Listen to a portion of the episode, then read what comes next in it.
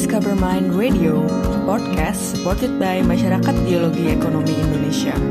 We're here to help anyone gain interest in economic geology by conversing with other geoscientists to share our knowledge and experiences in the fascinating world of geology and mining operation.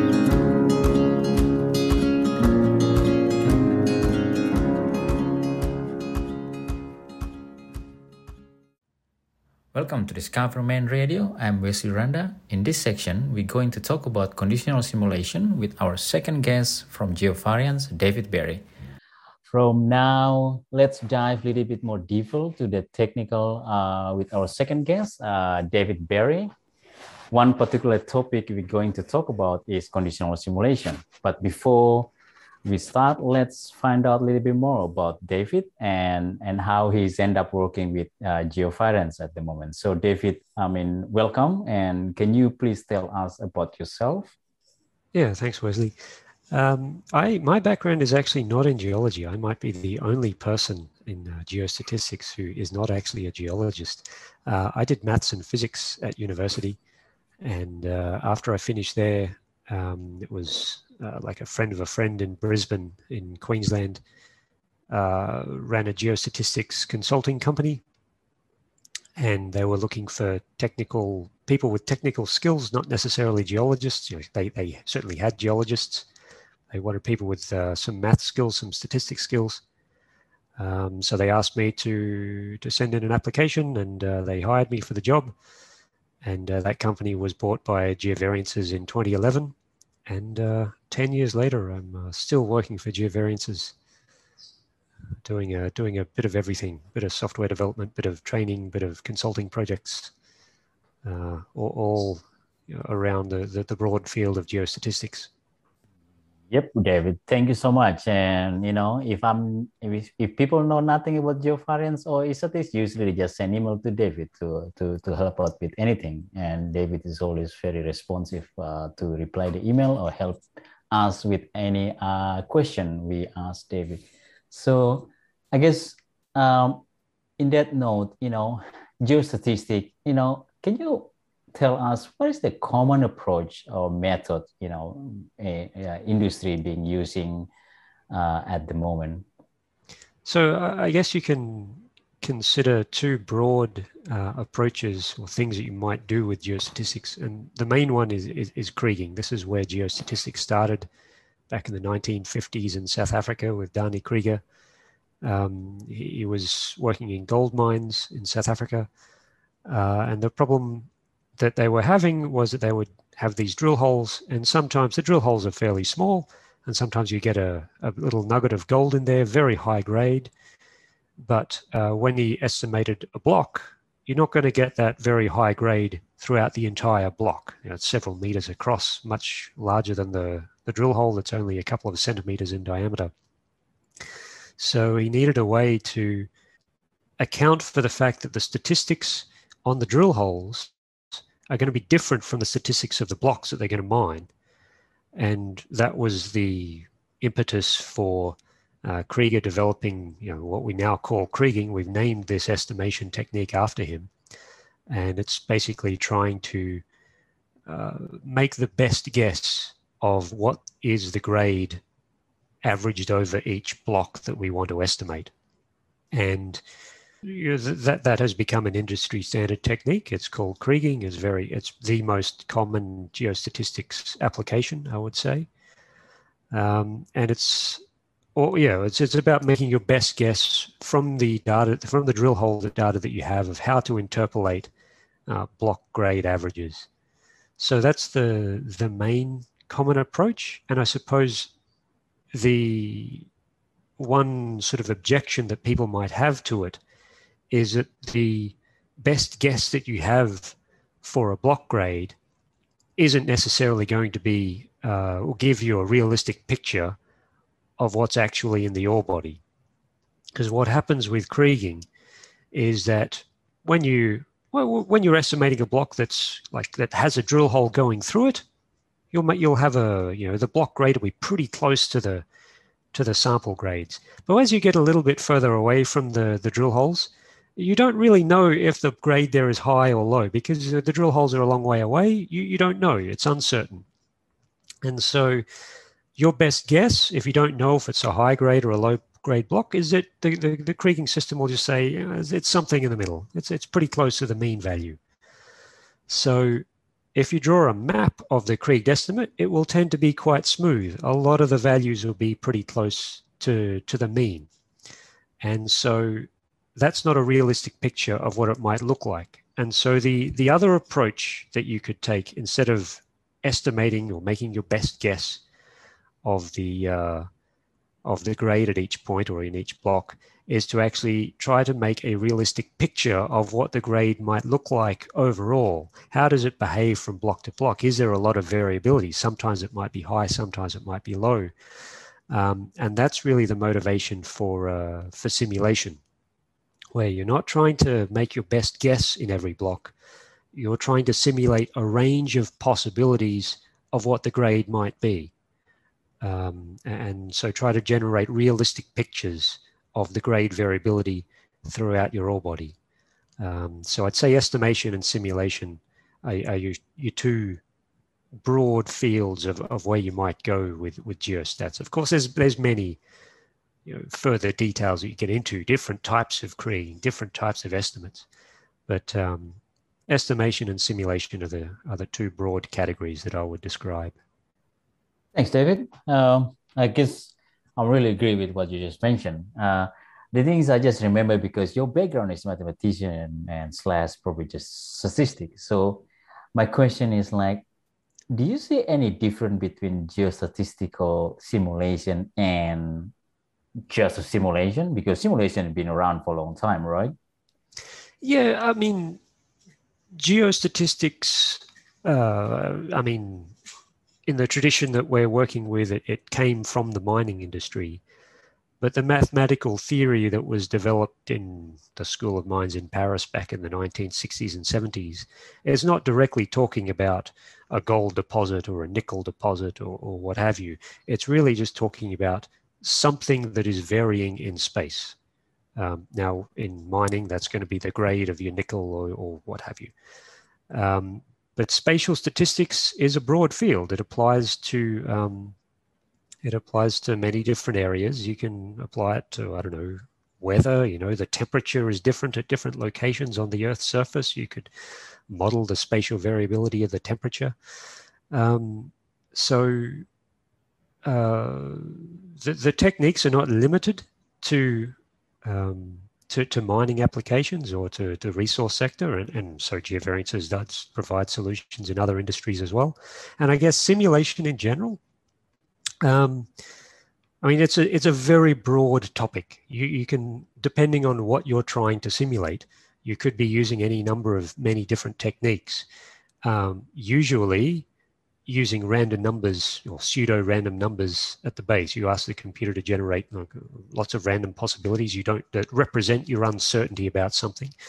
Maybe if you're in the uh, in the finance industry, you, you, you have the, the price of a stock, and sometimes it goes up and sometimes it goes down, and so you might uh, model that with a, a random noise. You know, sometimes the random number goes up, and so you the stock price goes up, and sometimes it goes down, and, and your your share price goes down. So the, the particular techniques that you would use to simulate in a finance uh, finance context would be different from the techniques that we'd use to simulate an ore body. Um, the, the common feature that they have is we're using random numbers. We're using some kind of probabilistic model. Um, the models may be different, but conceptually we have some but some model, some distribution of possible values that things might take. And then we ask the computer to generate lots of random numbers and uh, see the range of possibilities that it might that we might have. Thanks. Yeah, I think it's a uh, you in some way you you mentioned about uncertainty and i guess i guess as a geologist the, the, the biggest challenge is the uncertainty in our ore body and as if you mentioned, or maybe you heard before, is like if you ask 10 different geologists how the model could be, you can get like 11 answer from the geologists because they they different geologists have different interpretations sometimes. So, do you think this conditional simulation can help to model the ore body? I think is that's that's quite a question there. Yeah, I, I, think it can. This is this is less common than uh, simulating the grade. Like simulating the grade has been done for decades. I mean, it's less common in the, like in the past, but as computers have become more powerful, uh, it's become more and more common. Um, but in terms of your mining operation, you, you know you, are going to have a total number of tons and a, a total mean grade so it's okay, simulating the grade gives you an uncertainty on the grade, but you know, you've got one resource geologist who's built one wireframe to say this is the volume. Um, there's actually uncertainty on that as well. So in addition to just simulating grade, you can simulate uh, what we call categorical uh, simulation. So simulating is this point inside the domain or not? And so the the techniques are different because instead of having you know, grade variables might vary from zero to several hundred grams per ton if it's gold, or a few percent if it's nickel. Um, in a in a categorical simulation setting, where we're just saying, is it in the domain or not? Or maybe we have, you know, three or four different lithotypes that we're simulating. Uh, so the techniques are a little bit different. Could be called uh, plurigaussian simulation is one that we have in our software. Sequential indicator simulation is also uh, commonly used. And but, but conceptually, it's the same idea. You have your drill hole data that tells you, okay, along each drill hole, where have you intercepted your mineralized zone? You know, where are you going through the different layers? Um, in between the drill holes, you, you have uncertainty because you, you don't have measurements there. So you can model the spatial statistics of how your lithotypes are varying and then use one of these simulation techniques to, you know, simulate what might be in between your drill holes and then convert that into an uncertainty in the volume. That one's that that technique probably should become more popular because uncertainty in the volume is a big part of your you know the risk in a in a mining project. Um, but for whatever reason, historical or, or maybe it was you know people weren't aware of the techniques or maybe they just hadn't been developed to a level that um, uh, was was sufficient for, for use in industrial uh, practice. Um, it, it's not as common for now, um, but probably one day in the future it will be. Yes, I agree, and it's it's it's it's sometimes it's easy to say that uh, because we just like we have to work with the geological uncertainty, but um, it's in practice it's it's not that easy to do. And what I'm trying to say is like sometimes we just have to doing what we're doing until we get a little bit more idea about what's actually happened when we start mining. Uh, even sometimes we start mining, we start uh, still scratch our head, right? You know, because what we see in the drill hole is not exactly what you know turned up in in, in the pit, and, and if if somehow we can you know quantify that in the beginning uh, uh, for you know before we start a project i think it's gonna be uh, you know very well advantage for us. But i guess my question for you david i mean um, is it any successful with with the ore body simulation at the moment? Is it any great story you can share with us? Uh, i'm uh, like i'm literally been working on a project uh, for a, a, client that has some uh, lateritic nickel deposits, and I think they're in Indonesia. I'm not sure how much I'm allowed to say um, because it, it is a commercial uh, commercial project. Um, I know one of uh, one of my former colleagues gave a talk at a uh, MineGeo conference uh, a couple of years ago. it was a mix of the the plurigaussian simulations and the grade simulations um, possibly in New Caledonia, was lateritic nickel. Um, so you, you, several layers, your, your limonite, saprolite, bedrock are simulated. And within each of those simulated layers, you know, the nickel grade behaves differently. So if if the block was simulated to, to be limonite, uh, it would get a, a, nickel grade simulated according to the uh, limonite nickel distribution and similarly for the saprolite and and uh, and then the bedrock. So, um, like I, I, don't have the, the, the specific reference um, off the top of my head, but that was presented at a conference um, by Marie-Cécile Febvre from Geovariances um, about two years ago, I think. So it, it, it is being uh, put in place and uh, plurigaussian simulations, I guess, probably more common in oil and gas at the moment. I think uh, a lot of the development happened in that sector.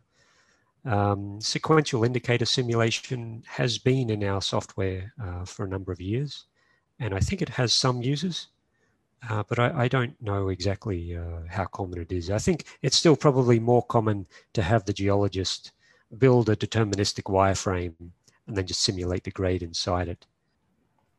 Yeah, it's I think it's still still a way industry go right now, and but we all knew it's not optimal because you know it it's so what I'm saying a little bit too optimistic if we if we think the ore body is quite determin you know deterministic by one model only, and that's true uh, about the model. I guess my next question is like you know you mentioned about plurigaussian a couple of times but is there any other uh, you know type of simulation uh, available uh, you know as a geostatistic method or you know maybe available in Isatis.neo at the moment?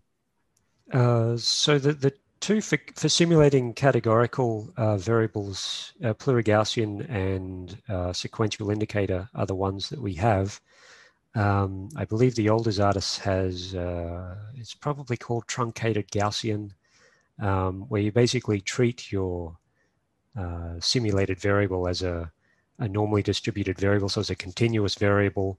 Um, and then you say, well, you know, if the continuous variable is less than uh, 0.2, then we're going to put it in one facies. and if it's greater than 0.2, then we put it in another one.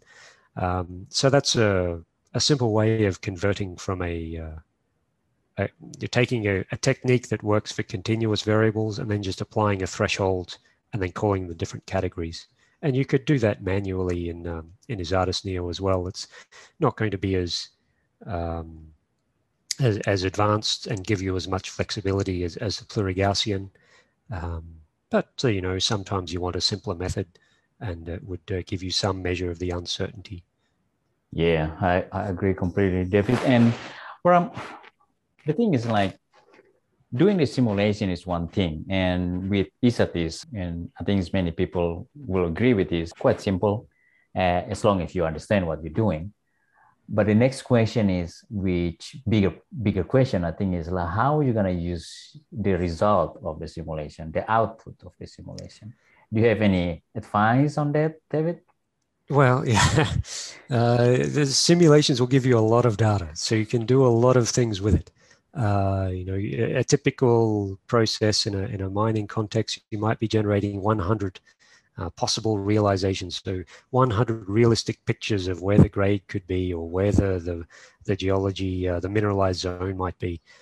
Um, and so that that's going to take a lot of disk space. It's going to take some time to process, um, and I guess the conceptually, the simplest thing that you might want to do is uh, take your 100 realizations and then start asking questions like, what would a pessimistic scenario be? What would an optimistic scenario? So you could average, and you can do that over different time scales. You can, because you're simulating every block, and you know so many blocks will be mined in the next week. There will be so many blocks in the next quarter, next year. And so at each of those scales, you can ask the question like, okay, uh, you know, what's a pessimistic scenario? What's an optimistic scenario? Generate a confidence interval, uh, quantify your uncertainty over each of the different um, different time periods. You know, as as you go to larger periods, you'll be have averaging out more and more of the variability, and so you should be uh, should have less uncertainty, but you'll have more variability week to week. Um, and, and, so that's the main, I guess, or the, the first application of the conditional simulations is just to aggregate your results and calculate uncertainties. What you do with that, you know, maybe that feeds into a resource classification. Uh, maybe instead it goes towards uh, drill hole spacing. You know, maybe you say, oh, in this part of the deposit, uh, my uncertainties are larger. I need my uncertainty to, be less than plus or minus 15%. So I'm going to need more drill holes. Uh, so that's conceptually how you start to um, to take conditional simulation results, which can give you a map of the uncertainty, and start using that to uh, to decide what you know where you should drill. But there's there's many variations on uh, on that basic idea. Yeah, and sometimes you're just sitting there and what more you can do until uh, you hit the timeline, right? And just like, all right, I have to pack my stuff and start reporting something. Otherwise, I never finish with this uh, stuff. And it's it's always uh, for me is always the, the interesting time. You you mentioned about the drill spacing analysis uh, uh, briefly uh, before this, and how you do that with conditional simulation. Well, I was uh, I was once talking to a, a resource geologist. He, he was you know, principal uh, one of the big mining companies here, and I I was brought in to do do some training on this subject, and I presented a method, and afterwards he told me that previously he knew seven different ways of using conditional simulations for drill hole spacing analysis, and I had presented an eighth different method. Um, the, thing with simulations is there's so many different uh, you know, it gives you so much data, you can do a lot with it. But all of them are going to have the same core idea is that you have a realistic picture of what the um, ore body might look like. And then what you can do is you can sample from it at different drill spacings that you want to test. Exactly what you want to do then afterwards, you've got lots of choices. Maybe you uh, sample from your realistic picture into like virtual drill holes at a given spacing that you want to test. And then you could simulate from those new drill holes uh, new realizations and, and work out okay, how much uncertainty do you have or would you have if you drilled every 100 meters by 100 meters? What about if you sampled every 50 meters by 50 meters? That would give you uh, four times as many drill holes. So that would reduce your amount of uncertainty. Um, how much does it uh, reduce your uncertainty? Well, you would run those simulations again, starting with the 50 by 50 virtual drill holes. And depending on what, uh, what uh, relevant area or volume is of interest, maybe it's a quarterly production period, maybe you need to get your uh, uncertainty below plus or minus 15% every quarter if you're going to call it a measured resource for your uh, resource classification.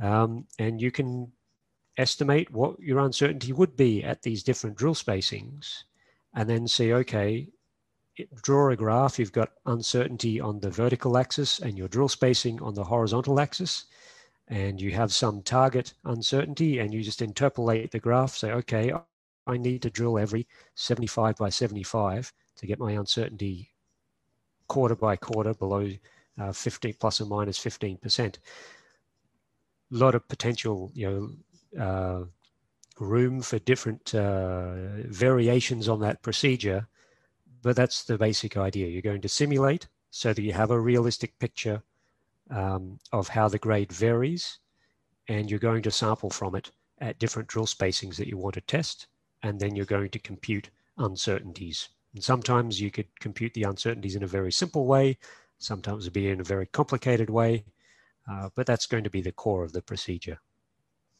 Thank you. Uh, thank you. So it's very interesting. And I guess my question is sometimes like, you know, when, when you do your simulation, especially for drill spacing analysis, you start with the A distribution of your data, given your variogram and your block size or whatever drill spacing you're working on.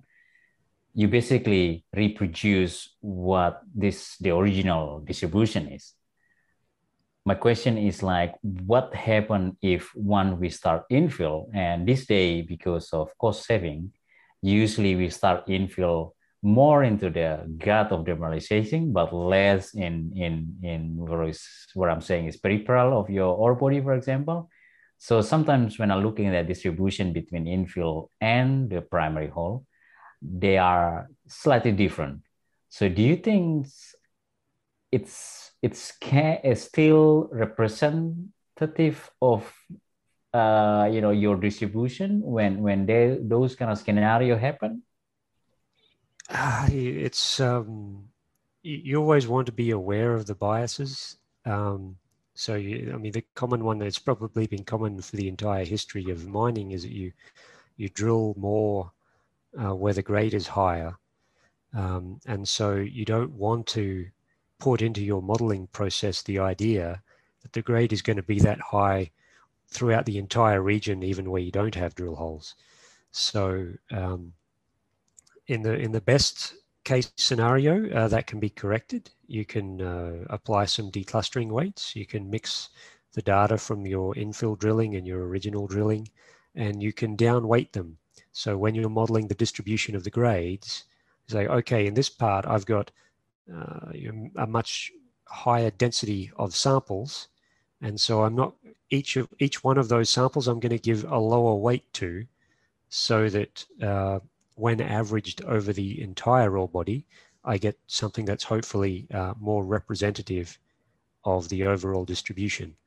Um, otherwise, you risk simulating too much metal out in the in the regions where the uh, the grade is lower. Um, but it's uh, yeah, I mean, errors can happen. You've always got to be aware of the possible of how things can go wrong, um, and you know that, that, that probably depend. You know, that that probably applies in uh, no matter what you're doing. Um, it, it's you've got to be aware of the potential biases in your data. Um, otherwise, when you use that data, you'll generate bias outputs, and uh, we always want to try to avoid that uh, throughout the entire modeling process. Thank you so much, David. I think it's a very pleased talking to you, and I guess uh, we all agree that you know as much as Geovariances want to create the as user friendly as possible with Isatis.neo, it's still people running the software. It's uh, the main uh, drive of the result, and hopefully uh, people not forget about it and keep the common sense about what's the input and what's the output to get the best result from the data uh, with using uh, you know software they prefer, and hopefully, is one of them is Isatis.neo. Uh, thank you very much, David. Oh, thanks for having me, Wesley. Thank you for listening to DiscoverMine Radio. Please send your support and reviews to discovermineradio at gmail.com. See you on the next episode. Bye.